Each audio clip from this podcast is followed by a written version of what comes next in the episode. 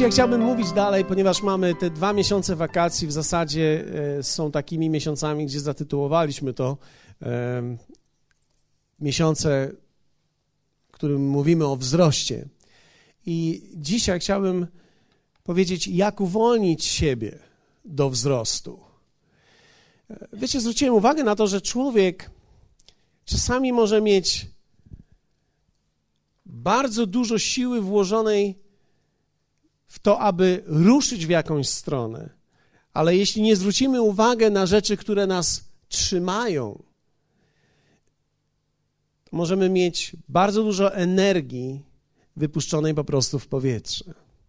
Czy ktoś z Was kiedyś widział balon, który unosi się? Na przykład kiedyś pamiętam, były takie balony, latały w koszalinie MK Cafe.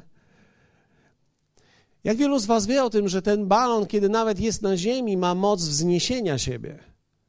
Ale dopóki obciążenie, które jest na nim i linki, które go trzymają, nie zostaną odcięte, on nie może pójść wyżej. Bez względu na to, jak wiele siły, tak, jak wiele energii włożymy w to, aby on poleciał w górę, to jeśli jest coś trzymane, coś go trzyma na dole i ma swój ciężar pewien, nie możemy wybić się w górę. Jest, jest kilka takich rzeczy w moim życiu, które widziałem, że tak naprawdę, wiecie, byłem tak zapalony do tego, aby rosnąć, że musiałem sobie po pewnym czasie zadać pytanie, co jest takiego, co mnie trzyma, żebym wzrósł.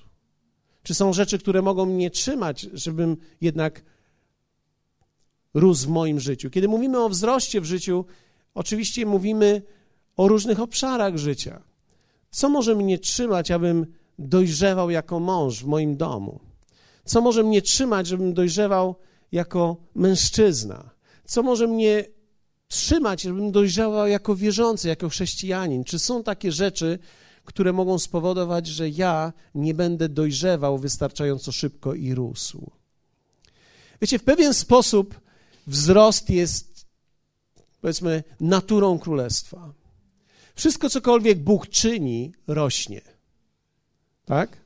Wszystko, cokolwiek uczynił, cokolwiek stworzył, miało w sobie nasienie, które było zdolne reprodukować siebie, jak również każdy, każdy czas reprodukcji to był czas wzrostu. Najpierw ziarno, kłos, potem trawa, później pełne zboże. Widzimy wzrost w każdej z tych dziedzin. Kiedy patrzymy na dziecko, kiedy się urodzi, najpierw je ważymy, po jakimś czasie znowu je ważymy, co chwilę je ważymy. Dlaczego? Ponieważ tak jest istotne żeby rosło właściwie, żeby nabierało wagi, żeby dojrzewało. W pewnym okresie zaczynamy oczekiwać, że ono będzie chodzić, że ono będzie siadać, że będzie stawać, że, że zacznie mówić. Kiedy nie mówi w jakimś okresie, zaczyna to nas niepokoić, idziemy do lekarza i zaczynamy pytać, co się dzieje, tak? Jakie są przyczyny, dla której coś się nie wydarza w odpowiednim okresie. Tak samo też jest w naszym życiu duchowym i w naszych różnych obszarach życia. W tych obszarach potrzebujemy widzieć wzrost, i ten wzrost często musi być określany w czasie. Czyli kiedy my rośniemy duchowo, nawet Słowo Boże mówi, żebyśmy wzrastali duchowo i w określonym czasie stawali się kimś. Tak, mamy list do Hebrajczyków, który mówi o tym, że według wieku, w którym dzisiaj jesteście, powinniście być już nauczycielami. Czyli jest jakiś wiek, w którym jako wierzący, gdy osiągam, powinienem też mieć zdolność do tego, aby pomóc innym ludziom. Czyli to nie jest dobrze, kiedy ktoś po 20-30 latach życia z Bogiem w dalszym ciągu ma problemy, żeby samemu dotrzeć do kościoła. Jest ważne, aby ten wzrost w różnych obszarach życia dokonywał się właściwie. Jest ważne, abyśmy rośli też w naszych rodzinach, w naszych małżeństwach. Kiedy małżeństwo jest ze sobą, e, jedno z pytań, które powstaje po pewnym czasie jest, kiedy będziecie mieli dziecko. Kiedy mają dziecko, zapytanie jest, kiedy, czy planujecie drugie dziecko. A później już się rzadko kiedy kto pyta, ale, ale fakt jest taki, że naturalną częścią jest rozwój. Kiedy ktoś pracuje, naturalne jest, że oczekuje rozwoju również w tym, co robi. Kiedy pracujesz i, i zacząłeś swoją pracę i zacząłeś od pensji 1200 zł, jak wielu z Was wie o tym, że po 10 latach pracując dalej za 1200 zł zaczynasz mieć pytania? Znaczy, ja mam nadzieję, że te pytania masz szybciej, ale, e, ale fakt jest taki, że my zaczynamy pytać, dlaczego? Ponieważ w życiu jednej rzeczy, której nie możemy znieść, to jest stagnacja. My potrzebujemy rozwoju. Tak samo ten rozwój ten rozwój jest potrzebny nawet w naszych relacjach. My, jako małżeństwo, wiecie, mówi się o okresie, w którym się docieramy, tak? Ja nie wiem, czy istnieje taki okres docierania, ponieważ ja na razie widzę, że po 22 latach my dalej jesteśmy w okresie, kiedy się docieramy, y, ale, ale, ale może powiem tak, my uczymy się siebie nawzajem i uczymy się też życia, dlatego że nasza nasza wzajemna relacja nie zależy tylko i wyłącznie od tego, jak siebie dobrze znamy, ale nasza relacja zależy od tego również, jak znamy siebie samych, w jaki sposób odkrywamy siebie, swoje własne dary, więc moja relacja z, mo z moją żoną nie tylko zależy od tego, czy ja ją dobrze znam, ale zależy od tego, czy ja znam siebie. Zależy również bardzo od tego, jak dobrze znam Boga. Dlatego, że jeśli nie znam Boga, nie znam Jego miłości, nie poznałem Jego słów, nawet nie wiem, w jaki sposób mogę mieć relację z drugą osobą, która jest tak odmienna w stosunku do mnie. Więc teraz y, fakt jest taki, że ja od Boga uczę się pewnych rzeczy, uczę się o Nim, uczę się o sobie, uczę się o świecie, ale też uczę się o mojej żonie. W związku z tym moja relacja dzisiaj jeśli nie byłaby inna niż relacja, gdy się pobieraliśmy, prawdopodobnie nie moglibyśmy być ze sobą. Dlatego, że życie nie znosi stagnacji. Prawdziwe życie będzie się zawsze rozwijało. Hej, posłuchajcie, za parę lat wszyscy będziemy wyglądać inaczej. Prawdopodobnie nie będziemy tego zauważali, ale gdybyśmy się spotykali raz na pięć lat, zauważymy to. Być może jeśli chodzi o kobiety, to nie jest tak bardzo widoczne, ponieważ one mogą się pokolorować i pofarbować i troszkę siebie pod, e, podrasować, e, stuningować i tak dalej. I, mogą coś zrobić ze sobą, więc, więc e, o ile tak też widzę życie, kobieta tak naprawdę trudno powiedzieć, że się starzeje. Raczej wygląda tak, że ona dojrzewa, a kiedy dojrzewa, staje się coraz bardziej piękna. Jeśli chodzi o nas, facetów, to my jesteśmy trochę inną kategorią prawda? Nam zaczyna wystawać trochę z przodu i zaczynamy coś, zaczyna, zaczyna gdzieś tutaj. Wczoraj moja, moja córka mówi do mnie, tato, masz, masz gęstsze włosy masz gęstsze włosy. Za chwilę mówi do mnie, e, wiesz co, chyba nie, nie, to ta siwizna tak sprawia, że wydaje mi się, że ich więcej. No, jakkolwiek się to nie dzieje, na pewno mi nie zgęstniały, Gwarantuję wam, nie, nie miałem żadnej płukanki cud. E, na pewno nie zgęstniały mi włosy, prawdopodobnie posiwiałem. Wygląda na to, że jest ich więcej, ale po paru latach każdy z nas wygląda trochę inaczej. Tak? Gdy się widzimy, może 5 lat to jest krótko, ale 10 lat nagle jest różnica. Wierzcie mi, za 10 lat wszyscy będziemy wyglądać inaczej. Hallelujah! Niektórzy się poszerzą, niektórzy zeszczupleją, niektórzy, niektórzy zetną włosy, niektórzy zapuszczą włosy, jeśli dadzą radę. Prawda? Gienek cały czas próbuje zapuścić włosy. ale, ale życie to jest ciągły rozwój i rozwijanie się w różnego rodzaju obszarach jest systemem życia i fundamentem życia. Tak jak niektóre elementy są naturalne, tak niektóre są celowe. I niektóre rzeczy pojawiają się naturalnie, ale niektóre są też celowe. Na przykład, kiedy patrzymy na dziecko, to jest naturalne, że ono się rozwija, ale jeśli nie będzie właściwie karmione, nie rozwinie się. Tak samo też jest z konsekwencji tego życia duchowego. Życie duchowe w pewnym okresie stajesz się, jesteś uczniem przez całe życie Jezusa, ale po pewnym czasie bierzesz coraz więcej odpowiedzialności na siebie. I to jest naturalne. Wiecie, my się cieszymy z każdej osoby, która podejmuje po raz pierwszy decyzję, aby pójść za Jezusem, ale jak wielu z Was wie o tym, że to nie jest ostatnia decyzja, którą podejmują? Ja mówię, ciekawe będzie teraz, jak podejmą kolejne decyzje, które są konieczne. Mianowicie, jeśli chcesz pójść dalej za Jezusem, kolejną decyzją będzie chrzest. Bycie częścią Kościoła. Czyli zawężamy pole naszych wyborów przez dojrzałość. Im bardziej człowiek dojrzewa, im bardziej człowiek rośnie, tym bardziej zawęża swoje pole wyborów, tym mniej tak zwany wolny się staje. Wierzcie mi, ludzie, którzy ciągle próbują poszerzyć swój obszar wolności, okazuje się, że żyją w buncie i żyją w niebezpiecznych obszarach, a im bardziej człowiek zawęża swój obszar wolności, tym można powiedzieć coraz bardziej dojrzewa, bo w coraz mniejszym obszarze czuje się coraz bardziej wolny. Hmm. Na przykład. W momencie, kiedy powiedziałem tak jednej kobiecie, w tym samym dniu powiedziałem nie do wielu innych. Ja im osobiście tego nie powiedziałem i nie chodziłem, nie mówię do ciebie, nie mówię do ciebie, nie mówię do ciebie. Przepraszam, tak strzelam trochę wiekiem w różną stronę. Prawdopodobnie pewne rzeczy byłyby niemożliwe, ale w jakimś obszarze wieku, tak, mówię nie do ciebie, nie do ciebie, nie do ciebie, nie do ciebie, nie do ciebie. Ja nie mówię tego osobiście, ale mówiąc jednej osobie tak, mówię nie do wielu. Zawęziłem moje życie do jednej osoby. Zawęziłem moje potrzeby do jednej osoby i teraz wierzę Bogu, że On zaspokoi wszystkie moje potrzeby, dając mi tą jedną osobę. Im bardziej dojrzewam, tym bardziej skoncentrowany się staję. I tak naprawdę zwróćcie uwagę, każdy mężczyzna dojrzewa w tym. Dlatego, że my z natury jesteśmy łowcami. A mam mało współpracy dzisiaj. My z natury jesteśmy łowcami. I teraz okazuje się, że my musimy złowienia po całym lesie nauczyć się polować za jedną do końca życia. Wiecie, dla nas mężczyzn to jest, to jest zmiana i progres. Dlatego, że my nauczyliśmy się patrzeć na każdą kobietę w pewnym wieku jako na być może tą.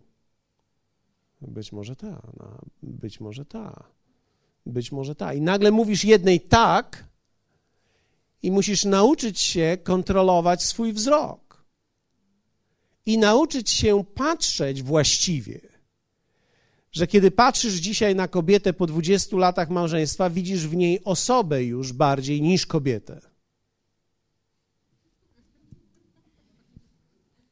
Jesteście ze mną? Nie ma was ze mną. Jak ja to przeżyję? Przesiądźcie się do mojego wagonu. Nie siedźcie swoim wagonie. Co to oznacza? To oznacza, że ja już nie mogę wzrokiem polować. To akurat trafiło tak, ale prawda? Ja już nie mogę teraz patrzeć i hmm, patrzeć i, i, i oglądać. Prawda? Teraz ponieważ ja już muszę sobie uświadomić, ja, ja już upolowałem, teraz, teraz ja muszę się kierować w jedną stronę. To jest zmiana, to jest zmiana. Niektórzy, niektórzy do końca życia nie dorastają. 5-10 lat, 5-10 lat po ślubie z kobietą, oni w dalszym ciągu e, rozmawiają bardzo długo i przyglądają się w oczy innej, myśląc, ciekawe, co by było, jakbym z tą był. No, ciekawość pierwszy stopień do piekła. Akurat w tym wypadku. Już, już musisz być, przestać ciekawy. Teraz musisz być ciekawy w inną stronę. Inaczej mówiąc, mechanizmy Twojego życia, Twojej duszy, Twojego myślenia muszą ulegać zmianie, muszą następować, musi następować pewien progres. Musisz się rozwijać, inaczej będziesz w niebezpieczeństwie. Rosnąc, zawężamy nasze życie. Kolejne decyzje, bycie częścią ciała, bycie finansowo odpowiedzialnym za to, co się dzieje. Nagle, nagle co chcesz powiedzieć, że ja teraz mam chodzić do kościoła? Wcześniej to chodziłem, bo lubiłem, a teraz muszę chodzić, bo, bo trzeba? No, widzisz, tak to jest. No. Wcześniej spotykałeś się z dziewczyną, kiedy chciałeś, a po ślubie do domu wracasz co noc, co najmniej powinieneś wracać po pracy generalnie.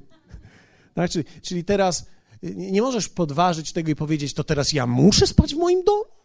Co to za straszne? To teraz ja muszę wracać do mojego domu? No tak, musisz teraz. Zawęziłeś się. Wcześniej chodziłeś gdzie chciałeś, teraz chodzisz tam, gdzie trzeba. Im bardziej się rozwijamy w życiu, tym bardziej zawężamy ponieważ czujemy się wolni w obszarze, który jest wolą Bożą dla naszego życia i nie ma w tym dla nas wtedy żadnego problemu. Ludzie, którzy chcą zachować swoją wolność, tracą ją. Dlatego, że to, co wydaje im się wolnością, jest związaniem. Dlatego rozwój zawsze będzie oznaczał zawężenie drogi. Hmm. Widzisz, ty możesz zawęzić swoją drogę, nigdy nie zawężając swojego umysłu. Ponieważ Bogu nigdy nie chodziło o to, abyś myślał w wąski sposób. Chodziło o to, abyś żył w określony. Hallelujah. Uważam, że ze wszystkich wzrostów w życiu, Twoją pasją i moją pasją najważniejszy powinien być duchowy rozwój. Dlatego, że wszystko zaczyna się od ducha. Wszystko zaczyna się od środka. Tylko duchowy rozwój zajmuje się sercem człowieka. Zwróćcie uwagę, Jezus pewnego dnia powiedział: Z serca płyną. Powiedział: Z serca płyną złe myśli. Ale jeśli z serca płyną złe myśli, to jeśli serce jest zmienione i dusza jest przemieniana, moje życie się zmienia. I tylko aspekt duchowy przemienia serce. Dlatego nawet jeśli ktoś mówi, nie, nie, ja będę się rozwijał w moim życiu na przykład w technikach sprzedażowych, to jest dobrze rozwijać siebie, ale jak wielu z Was wie o tym, że prawdziwa wartość nie przychodzi z tego, ile sprzedam, prawdziwa wartość płynie z tego, kim jestem. Dlatego ja muszę umieć rozpoznać, od czego się tak naprawdę w moim życiu zaczyna wszystko i co jest prawdziwą wartością. Największy rozwój, na jaki każdy z nas powinien postawić w życiu, jeśli jest mądrym człowiekiem, to jest rozwój duchowy. Dlatego, że z rozwoju duchowego popłynie rozwój w każdej dziedzinie życia. Amen. Często myślimy, że wzrost zależy od tego, co się dzieje na zewnątrz. Czyli my będziemy rosnąć w życiu, kiedy rzeczy zewnętrzne się zmienią, ale tak nie jest. To, co się dzieje wewnątrz ciebie, decyduje o wzroście. Człowiek jest w stanie rozwinąć wszystko, ponieważ wszystko zależy od jego wnętrza. A swoje wnętrze nosisz ze sobą cały czas. Czy ktoś z Was zostawił wnętrze w domu? Nie, my chodzimy z naszym wnętrzem przez cały czas. Więc rosnąć będę musiał, wzrastając, będę musiał pokonać to, co wyhodowałem jako mój pancerz obronny, dlatego że każdy z nas te liny, które nas trzymają, wyhodował w latach, kiedy żyliśmy bez Boga.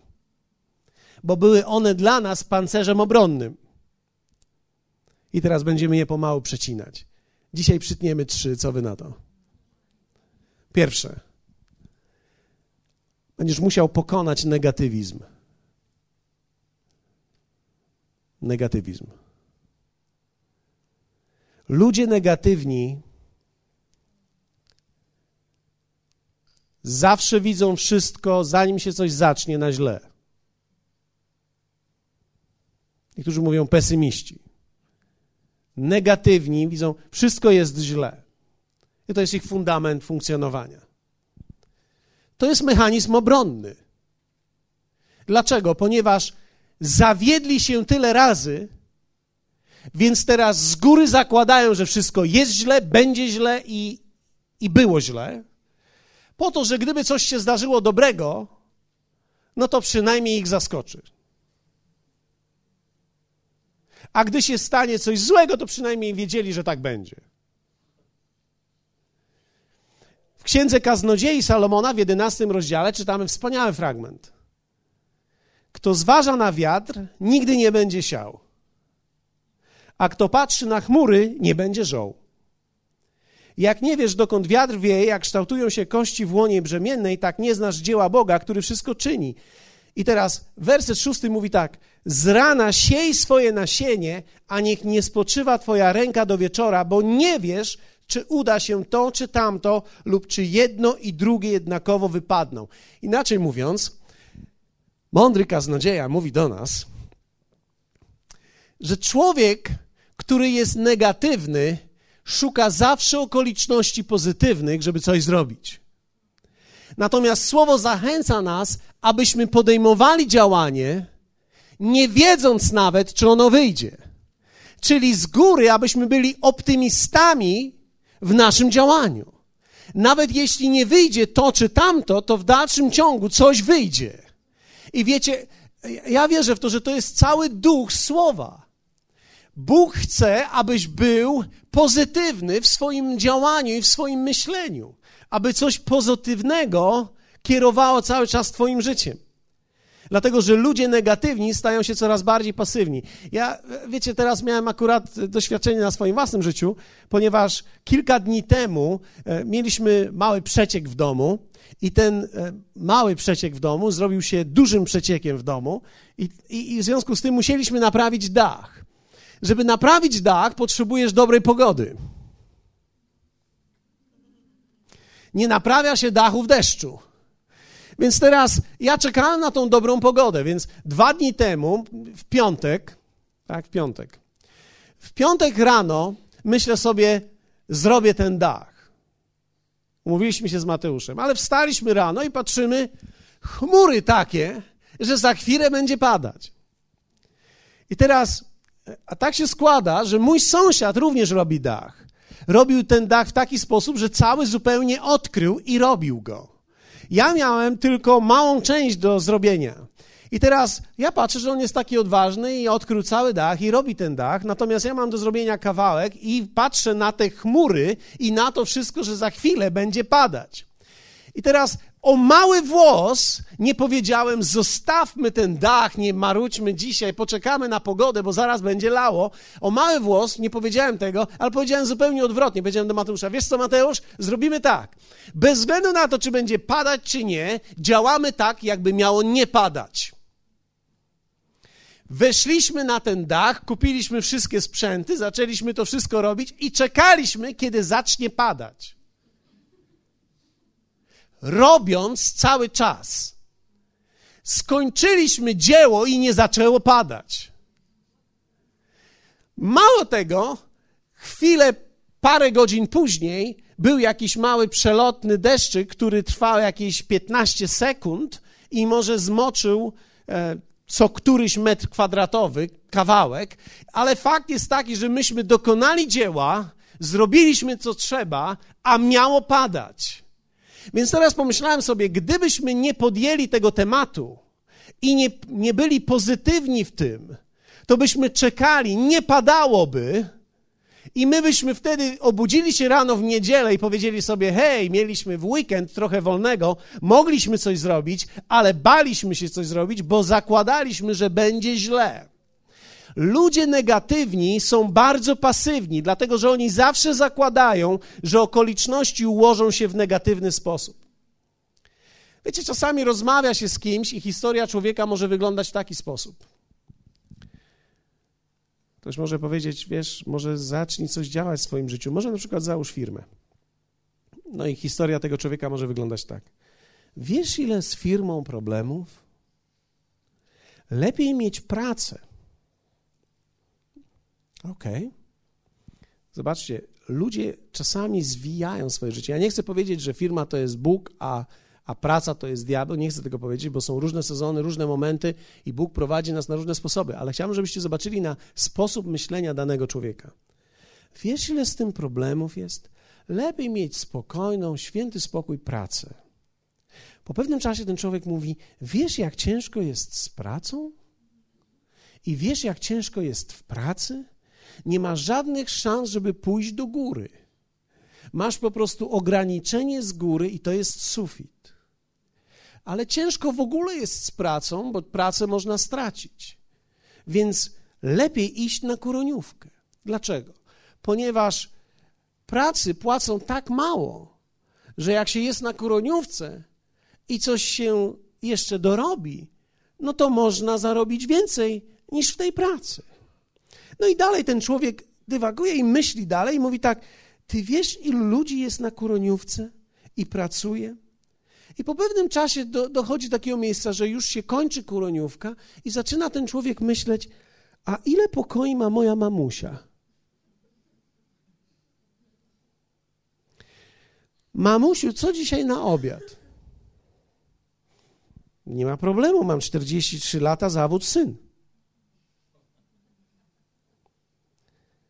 Tatusiu, co zrobiłeś z tą kawalerką po babci?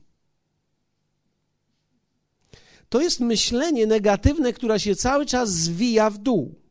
Po pewnym czasie ten człowiek mówi: Życie jest ciężkie. I mówi to do swojego sąsiada, siedząc na taborecie z poduszką. To jest autentyczny fakt. Ja miałem, nie powiem wam, gdzie to słyszałem, ale siedział młody człowiek. Młody, ja mam na 40 parę lat, dla mnie to jeszcze jest młody. Wiem, że dla niektórych to już jest stary dawno, ale jeśli człowiek ma 40 parę lat, siedzi na drewnianym taborku z malutkim, wyświechtanym kocykiem na, na wierzchu i mówi, życie jest ciężkie. I mówi to do swojego sąsiada. I za chwilę mówi: Pójdę na jagody. Ale patrzy i mówi: Nie, nie, będzie padać. Wiecie, człowiek może doprowadzić swoje życie do zera, jeśli będzie negatywny. Negatywny człowiek zawsze umniejsza swoje życie i odcina wszystko, ponieważ każde pozytywne może wyjdzie, może nie, więc wiele razy nie wychodzi. Ale jeśli wiele razy nie wychodzi, a raz wyjdzie, to w dalszym ciągu jest dobrze. Procentowo człowiek się rozwija nawet wtedy, kiedy wiele razy upada. Wiecie, na wielu szkoleniach, e, sprzedawców szczególnie, uczy się ich, być może ty byłeś również tego uczony, że trzeba umieć wiele razy usłyszeć nie i przyjąć je prawidłowo z uśmiechem, ponieważ wystarczy, że raz ktoś powie tak i to już jest dobrze. Więc pozytywność jest tak naprawdę cechą, którą można rozwinąć. Niektórzy mówią, ja jestem pesymistą, całe życie byłem pesymistą i negatywny i będę taki. Większość ludzi nie nazywa siebie negatywnym, większość ludzi nazywa siebie pesymistą. Gdzie określają to w swoim charakterze już, to jest tak głęboko. Ty możesz to zmienić, dlatego że jeśli będziesz negatywny, to uniemożliwi to Twój wzrost. Negatywizm niszczy wszystko. Wiecie, jakie to szczęście, że nasz mistrz, Pan Jezus Chrystus, jest pozytywny. Wiecie, on był pozytywny przychodząc na ziemię. Biblia zaczyna od takich rzeczy. Przyszedł do swoich, ale swoi go nie przyjęli. Ewangelia Jana, pierwszy rozdział. Przyszedł do swoich, ale swoi go nie przyjęli. Ale tam się Biblia nie kończy. Tam jest powiedziane, ale ci, którzy go przyjęli, dał prawo im stać się dziećmi Bożymi. I taka jest, taka jest Biblia. Wielu odrzuciło, ale jednak w dalszym ciągu ci, którzy przyjęli, poszli dalej. Wiecie, wielu ludzi go odrzuciło. Na krzyżu wielu się odsunęło, ale mimo wszystko, w dalszym ciągu ten zaczyn poszedł do niektórych i on miał szansę rozwoju. Pan Jezus był na wskroś pozytywny, był realny w tym, co widział, ale był pozytywny w tym, co miało nastąpić, ponieważ on znał początek i koniec. I teraz Bóg wprowadza ciebie do swojego królestwa i on chce nauczyć cię jednej rzeczy: swojego sposobu myślenia i swojego sposobu nastawienia do życia. Bóg jest na wskroś pozytywny w tym słowie. Wiecie, co jest pięknego w tym słowie? Piękne jest to, że Bóg zaczyna jako zwycięzca i kończy jako zwycięzca. To nie jest słowo, które mówi o przegranej Boga o porażce. To jest słowo, które mówi od początku do końca o Jego zwycięstwie. Mało tego, to słowo od początku do końca mówi o zwycięstwie wszystkich tych, którzy z tym słowem zostali połączeni. Więc to samo jest z Twoim życiem. Jeśli Ty połączysz swoje słowo z tym, Ty możesz być pozytywny w stosunku do swojej przyszłości. Możesz być aktywny w swoim działaniu możesz rozwijać swoje życie i nie pozwolić, aby myśli typu będzie źle, jest źle, było źle, opanowały ciebie. Możesz pozwolić sobie na myślenie, będzie lepiej. Będzie dobrze. Dziękuję Wam za tą falę entuzjazmu. Ale tak jest. My musimy sobie pozwolić na to. Ty musisz pozwolić sobie samemu na myślenie, będzie dobrze. Bez względu na to, jak wyglądają dzisiaj Twoje okoliczności, one nie mówię, że są pozytywne, one mogą być bardzo negatywne. Ale możesz powiedzieć, będzie dobrze. Dlatego, że czasami najgorsze okoliczności poruszają największą moc Boga. To jest pozytywne. W przypowieści 13, 15-13 jest powiedziane tak. Radosne serce rozwesela oblicze. Lecz gdy serce jest zmartwione, duch jest przygnębiony. To słowo od razu mówi nam, że człowiek nie może być radosny w sercu i na twarzy smutny. Dlatego, że radosne serce, pozytywne serce rozświetla coś tutaj. Któreś tutaj mięśnie zaczynają działać w górę. Hallelujah. Inaczej mówiąc, moje pozytywne nastawienie, które jest wewnątrz mnie, będzie zwycięstwem dla mojego życia. Muszę pozwolić sobie na odcięcie tego negatywizmu. Czasami w domach to widzimy. Czasami mąż z żoną przychodzą na rozmowę, porozmawiać ze mną i mówią: My byśmy mogli zrobić, ale on ciągle mówi, że będzie źle. Jeszcze nic nie zrobił, a już źle jest. I w drugą stronę, ja, ja bym tyle chciał zrobić, ale moja żona ciągle mówi, że, że to nie wyjdzie.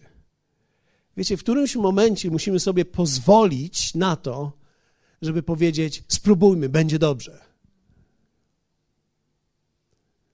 Musisz pokonać negatywizm. Drugie, musisz pokonać zwątpienie w swoim życiu. Wiara jest w sercu, a zwątpienie jest wypracowywane przez duszę żyjącą bez Boga. Wątpimy we wszystko, co jest Boże, bo nie doświadczyliśmy jeszcze zbyt wiele rzeczy w Bogu. Więc na początku zwątpienie jest częścią naszego życia. Tak? Później się nawracamy, wiara powstaje w sercu, ale zwątpienie jest cały czas w naszym umyśle. Zwątpienie jest czymś, co jest wytworzone w nas. My wątpimy w rzeczy. Wątpimy w przyszłość, wątpimy w nadprzyrodzone, wątpimy w to, że coś się może wydarzyć. Zwątpienie może niszczyć naszą wiarę. Zobaczcie w Ewangelii Marka w 11 rozdziale, werset 22-24, słowo mówi tak.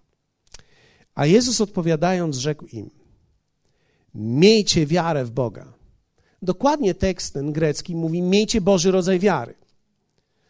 Ale idźmy dalej. Zaprawdę powiadam wam, ktokolwiek by rzekł tej górze, wznieś się i rzuć się w morze, a nie wątpiłby w sercu swoim, lecz wierzył, że stanie się to, co mówi, spełni mu się.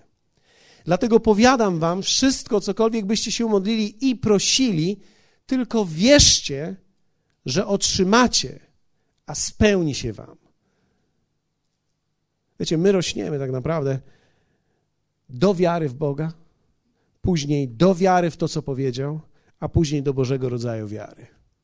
Ale musimy umieć pokonać zwątpienie, ponieważ zwątpienie może paraliżować każdy nasz ruch. W Ewangelii Mateusza w 17 rozdziale Jezus uczył to w ten sposób. Wtedy przystąpili uczniowie do Jezusa na osobności. Tutaj mieli sytuację, gdzie uczniowie nie mogli wypędzić demona. Czy ktoś z Was pamięta taką sytuację? Uczniowie nie mogli wypędzić demona. I teraz Jezus mówi do nich. Przyszli, przyprowadzili tak, przyszli do Jezusa na osobności i powiedzieli: Dlaczego my nie mogliśmy go wypędzić? A on im mówi: Dla niedowiarstwa. To słowo tutaj oznacza nie brak wiary, tylko zwątpienia waszego. Bo zaprawdę powiadam wam, gdybyście mieli wiarę jak ziarnko gorczycy, to powiedzielibyście tej górze: przenieść się stąd tam, a przeniesie się i nic niemożliwego dla was nie będzie. I werset 21. Ale ten rodzaj, Powiedzmy razem, ten rodzaj. Ten rodzaj czego? Ten rodzaj nie wychodzi inaczej, jak tylko przez modlitwę i post. To jest ważne. Nie ten rodzaj demonów, tylko ten rodzaj niewiary nie wychodzi inaczej, jak przez post i modlitwę. Za chwilę o tym powiem, w jaki sposób pokonujemy ten negatywizm i zwątpienie i tak dalej. Ale to jest bardzo istotne. Ten rodzaj, powiedzmy razem, ten rodzaj nie wychodzi inaczej jak przez post i modlitwę. Pamiętajcie o tym, za chwilę do tego podejdziemy. Trzecia rzecz, którą będziesz musiał pokonać w swoim życiu, to jest coś, co ty musisz zrobić. Jak wielu z Was wie o tym, że w Bogu piękne jest to, że to nie jest tak, że On wszystko za Ciebie robi, ale On czyni Ciebie współpartnerem i współodpowiedzialnym za to, co jest robione. Będziesz musiał pokonać rozproszenie. Ktoś może powiedzieć, co takiego jest to rozproszenie? Ja kiedyś uczyłem w szkole, więc pamiętam. Człowiek może być rozproszony w swoich myślach. Czyli próbuje się skoncentrować, a nie może. Czy wiecie, że są tacy ludzie na spotkaniu czasami, że nie mogą się skoncentrować na tym, co jest głoszone? Czasami jest to kwestia ich osobista, więc ja mówię do ludzi: siadajcie z przodu. Dlatego, że z tyłu może się dziać wiele rzeczy. Więc maksymalnie siadajcie z przodu, to utrzyma was maksymalnie możliwie w skupieniu, ale można być też rozproszonym, rozkojarzonym przez cały czas w życiu. To może również mieć charakter demoniczny.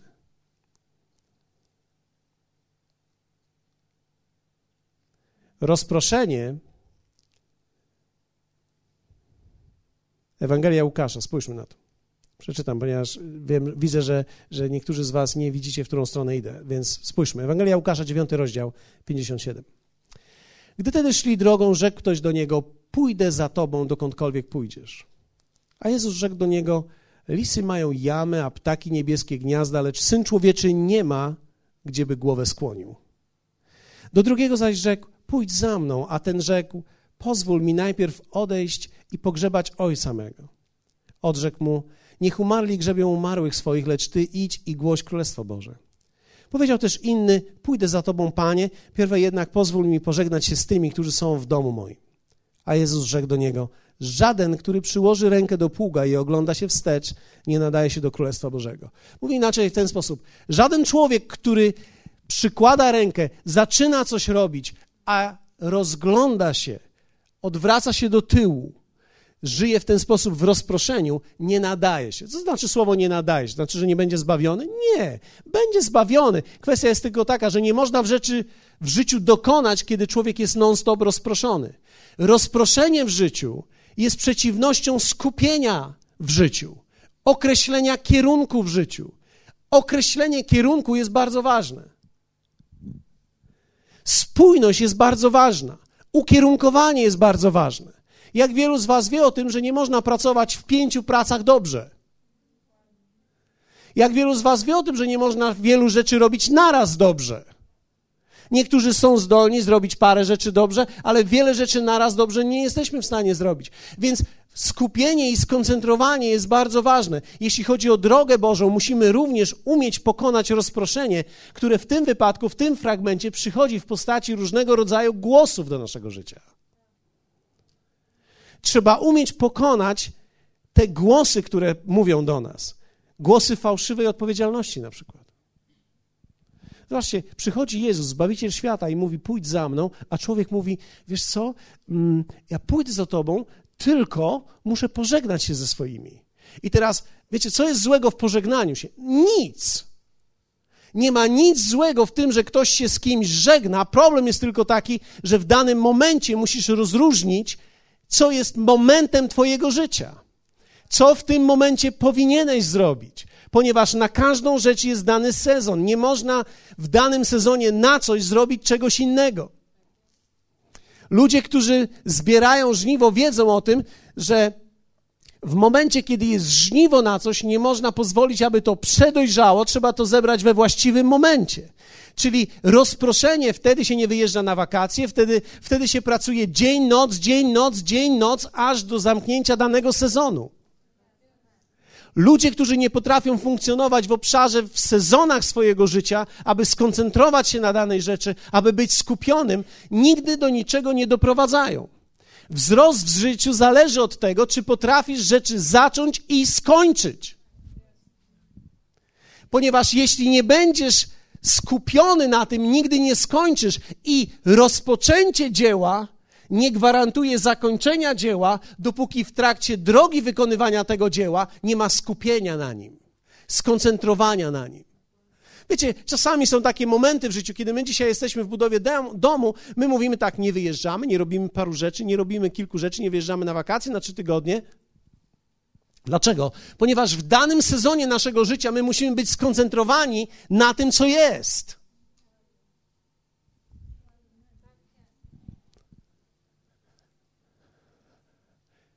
A to jest kwestia wypracowania w duszy. Są ludzie, którzy słyszą wiele głosów. Jeszcze tamto, jeszcze tamto, jeszcze tamto. Wiecie, ja czasami patrzę na młodych ludzi w wierze. Nawraca się człowiek. Ja patrzę, jaka jest, jak oni ewaluują i rosną w duchu. Patrzę na to, gdzie jesteś w niedzielę. Ja nie chcę powiedzieć, że ty musisz chodzić w każdą niedzielę. Ja chcę powiedzieć, że to jest dobre, abyś był w każdą niedzielę. To jest pożyteczne dla ciebie, abyś się karmił słowem. To jest dla ciebie bardzo istotne. Więc kiedy młody człowiek, który się nawraca, bez względu na wiek, może mieć 50-60 lat, to, to nie jest tym młody. Młody w wierze człowiek, gdy on nie jest karmiony właściwie i pojawia się coraz rzadziej, pojawia się coraz rzadziej. Wiecie, co to jest? To są głosy rozproszenia, które go ciągną. No wiesz, musiałem wyjechać z rodziną, no wiesz, musiałem zrobić tamto, no wiesz, są urodziny tam, no wiesz, muszą być tamte rzeczy. No wie, ja rozumiem każdą z tych rzeczy. Tylko czy ty potrafisz zobaczyć, że te wszystkie rzeczy, które się dzieją, dzieją się we właściwym czasie dla ciebie. Ktoś, ktoś pisze ci scenariusz co sprawia, że ty nie możesz tu, nie możesz tam i nie możesz tu i nie możesz tam i w końcu opuszczasz tu i opuszczasz tam i w końcu nie możesz tu i nie możesz tam. I kiedy przychodzi do konkretnych, konsekwentnych decyzji twojego życia, nic się nie dzieje. I kiedy nic się nie dzieje, to obumiera w nas. I ktoś niedawno przyszedł do mnie i powiedział mi, to, to, w dobrej wierze, jako, jako super rzecz, która się dzieje. Pastorze, na początku, kiedy nie chodziłem do kościoła, jeszcze mnie sumienie rwało a teraz już przestało. Chwała Panu. Inaczej mówiąc, na początku, kiedy mnie nie było na spotkaniu, czułem, że jeszcze szkoda, że mnie nie ma, że źle, że mnie nie ma. A teraz, kiedy mnie nie ma, już nawet tego nie czuję. Wzrosłem, prawda? A myślałem sobie bardzo. Co się dzieje? Rozproszenie, głosy. My musimy zobaczyć, że jeśli są pewne rzeczy w naszym życiu, jesteśmy ukierunkowani, dopnijmy je do końca.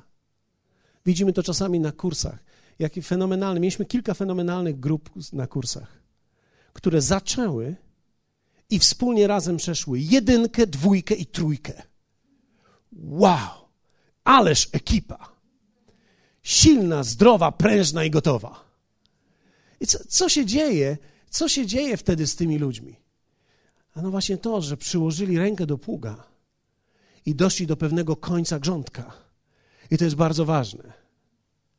I to chodzi o ich życie.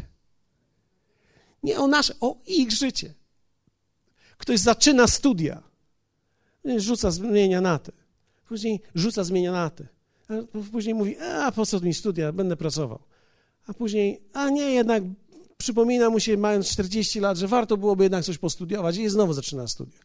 A wszyscy, dzieci jego mówią, to, to co będziesz studiował? Będę studiował teraz, bo, bo teraz wykształcenie jest ważne. Wiecie, człowiek w danych sezonach jest otwarte okno, trzeba przejść do przodu, ponieważ jeśli nie wyeliminujemy tego zniszczenia w naszym życiu, tego rozproszenia, nic nie będziemy widzieli w naszym życiu jako pro, progres. Nikt nie sadzi czegoś i nie dogląda tego.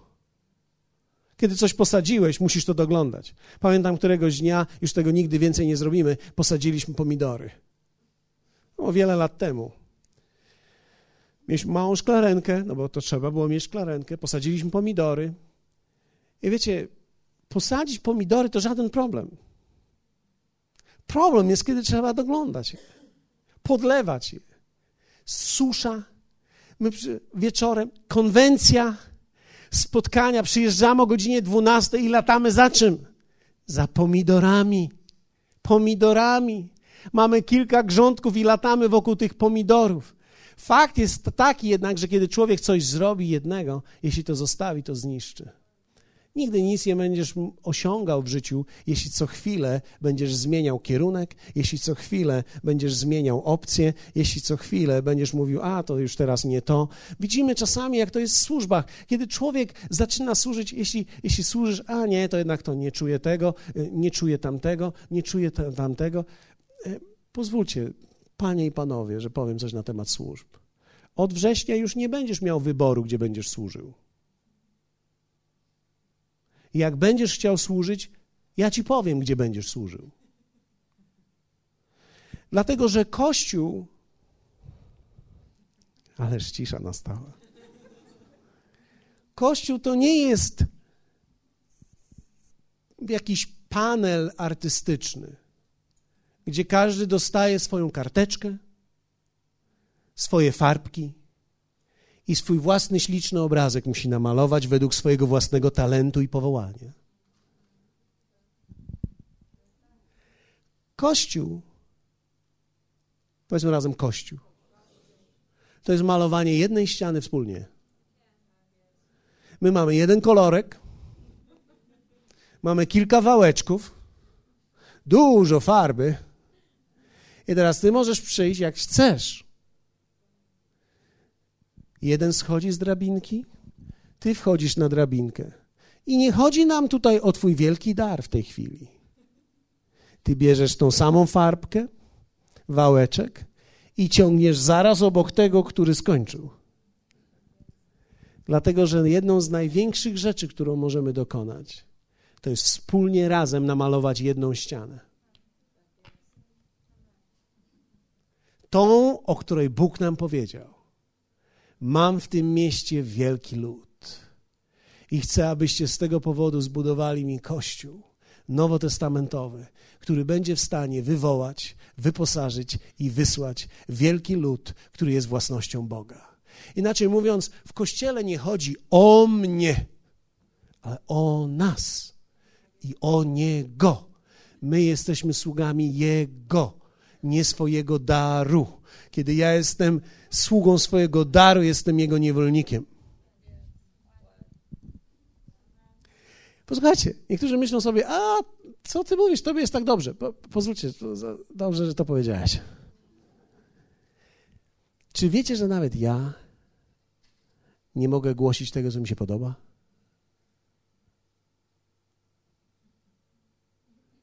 To tak wygląda, jakbym ja głosił to, co mi się podoba.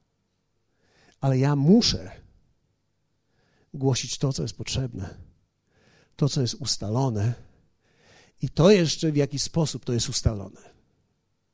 Czyli kiedy chcemy sięgać ludzi, to nie jest kwestia to, co ja lubię, bo wiecie, ja mam kazania, które lubię. Wszystkie kazania, które ja lubiłem, to nie były kazania, które ludzie lubili i które ludziom były potrzebne. Czyli tu nigdy nie chodziło o to, żeby człowiek robił to, co lubi, ale to, co jest ważne. Dlatego trzeba umieć pokonać rozproszenie w swoim życiu. Nie jakieś głosy, nie rzeczy, które zostawiam, nie. Rzeczy, jeśli zabrałem się za coś, to jest moje. To dotyczy moich relacji, tak? To dotyczy, dotyczy moich ważnych relacji jako Kościoła, to dotyczy moich relacji, jeśli chodzi o mnie i o Boga. A nie kwestionuję teraz, czy z Bogiem będę żył, czy nie. Hej, hej. Ja nie kwestionuję tego, że jestem teraz z moją żoną. Ja nie kwestionuję, że to są moje dzieci. Ja nie próbuję się ich zaprzeć, nie próbuję znaleźć sobie innych lepszych. Czasami chciałbym, żeby moje były lepsze, ale one są wspaniałe na swój sposób, ponieważ one też przemieniają mnie. Więc muszę pokonać negatywizm, powiedzmy negatywizm, zwątpienie i rozproszenie. I szybciutko, dwie minuty, jak to robię. Kiedy ja dowiaduję się o tym, że muszę te rzeczy pokonać, to najpierw to jest wiedza. Ale jak wielu z Was wie o tym, że negatywizmu nie pokonałeś dzisiaj? Czyli kiedy siedzisz tu i myślisz, muszę pokonać negatywizm, mówisz, hmm, muszę pokonać negatywizm, pokonałeś go. Nie. Negatywizm jest częścią ciebie, jeśli jest w tobie, i nie można go pokonać samą wiedzą. Potrzebujesz wiedzę, ale to jest za mało. Potrzebujesz się dowiedzieć, co musisz pokonać, ale to jest za mało. Musisz dalej mieć objawienie tego. Więc potrzebujemy wiedzy jako informacji, potrzebujemy objawienia, które jest w otwartym sercu. A więc ja muszę otworzyć moje serce i powiedzieć: Panie, jeśli jestem negatywny, jeśli mam zwątpienie, otwieram moje serce, pokaż mi to. Chcę to widzieć. Objawienie jest wewnętrznym obrazem. Wiedza jest czymś, co przychodzi do mojego umysłu, ale objawienie jest moim wewnętrznym obrazem, który łączy fakty we mnie. Dalej, kiedy rozważam, i tutaj Jezus powiedział, nie można tego inaczej pokonać jak przez post i modlitwę. Ja bym dodał do tego jeszcze medytację. Dlatego, że w momencie, kiedy jestem skoncentrowany, bo post oznacza skoncentrowanie. Post to nie oznacza nie jeść. Post oznacza nie zajmować się czymś innym, tylko jednym.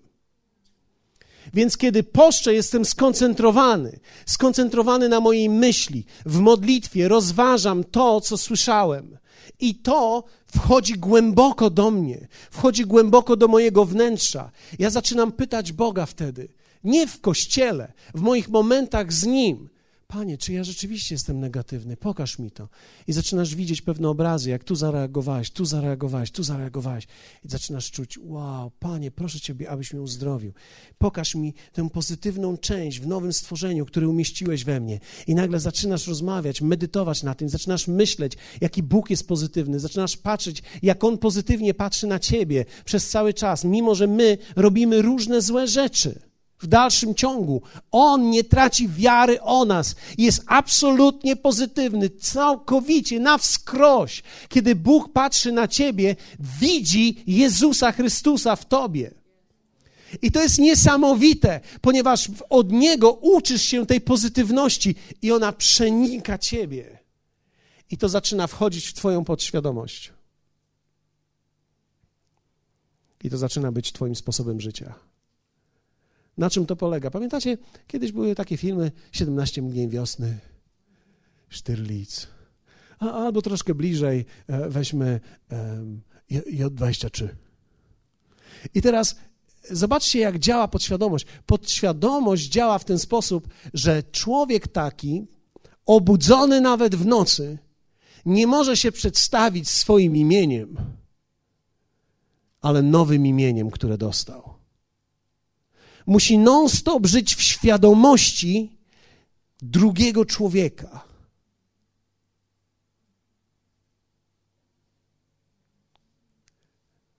On nie mógł stanąć i powiedzieć przed jakimś Niemcem J23. Tylko musiał się przedstawiać kapitan Hans Kloss. Jak wielu z Was wie o tym, że kiedy się rozmawia kiedy wychodzą różne rzeczy w emocjach i tak dalej, kiedy się budzisz, kiedy. Jeśli to nie jest głęboko w tobie, to ty się zdradzisz. Zdradzisz się tekstem podświadomym. A ja wiedziałem, że oni tam będą bombardować. Skąd ty wiedziałeś, że oni będą bombardować? Wiecie, to jest wielka nauka też zupełnie nowej osobowości, którą otrzymujemy, która wchodzi w nas, tak że kiedy się budzę, wiem o tym, że jestem usprawiedliwiony.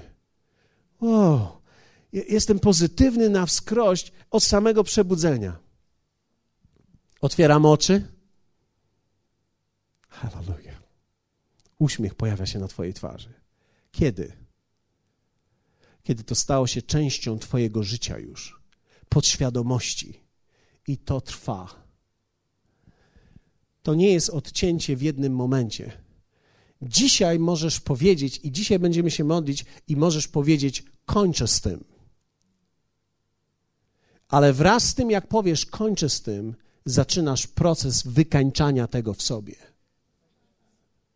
Aż do momentu, w którym zobaczysz, że kiedy zrzuciłeś ten jeden mały woreczek, twój balon idzie w górę i bez przeszkód rośniesz.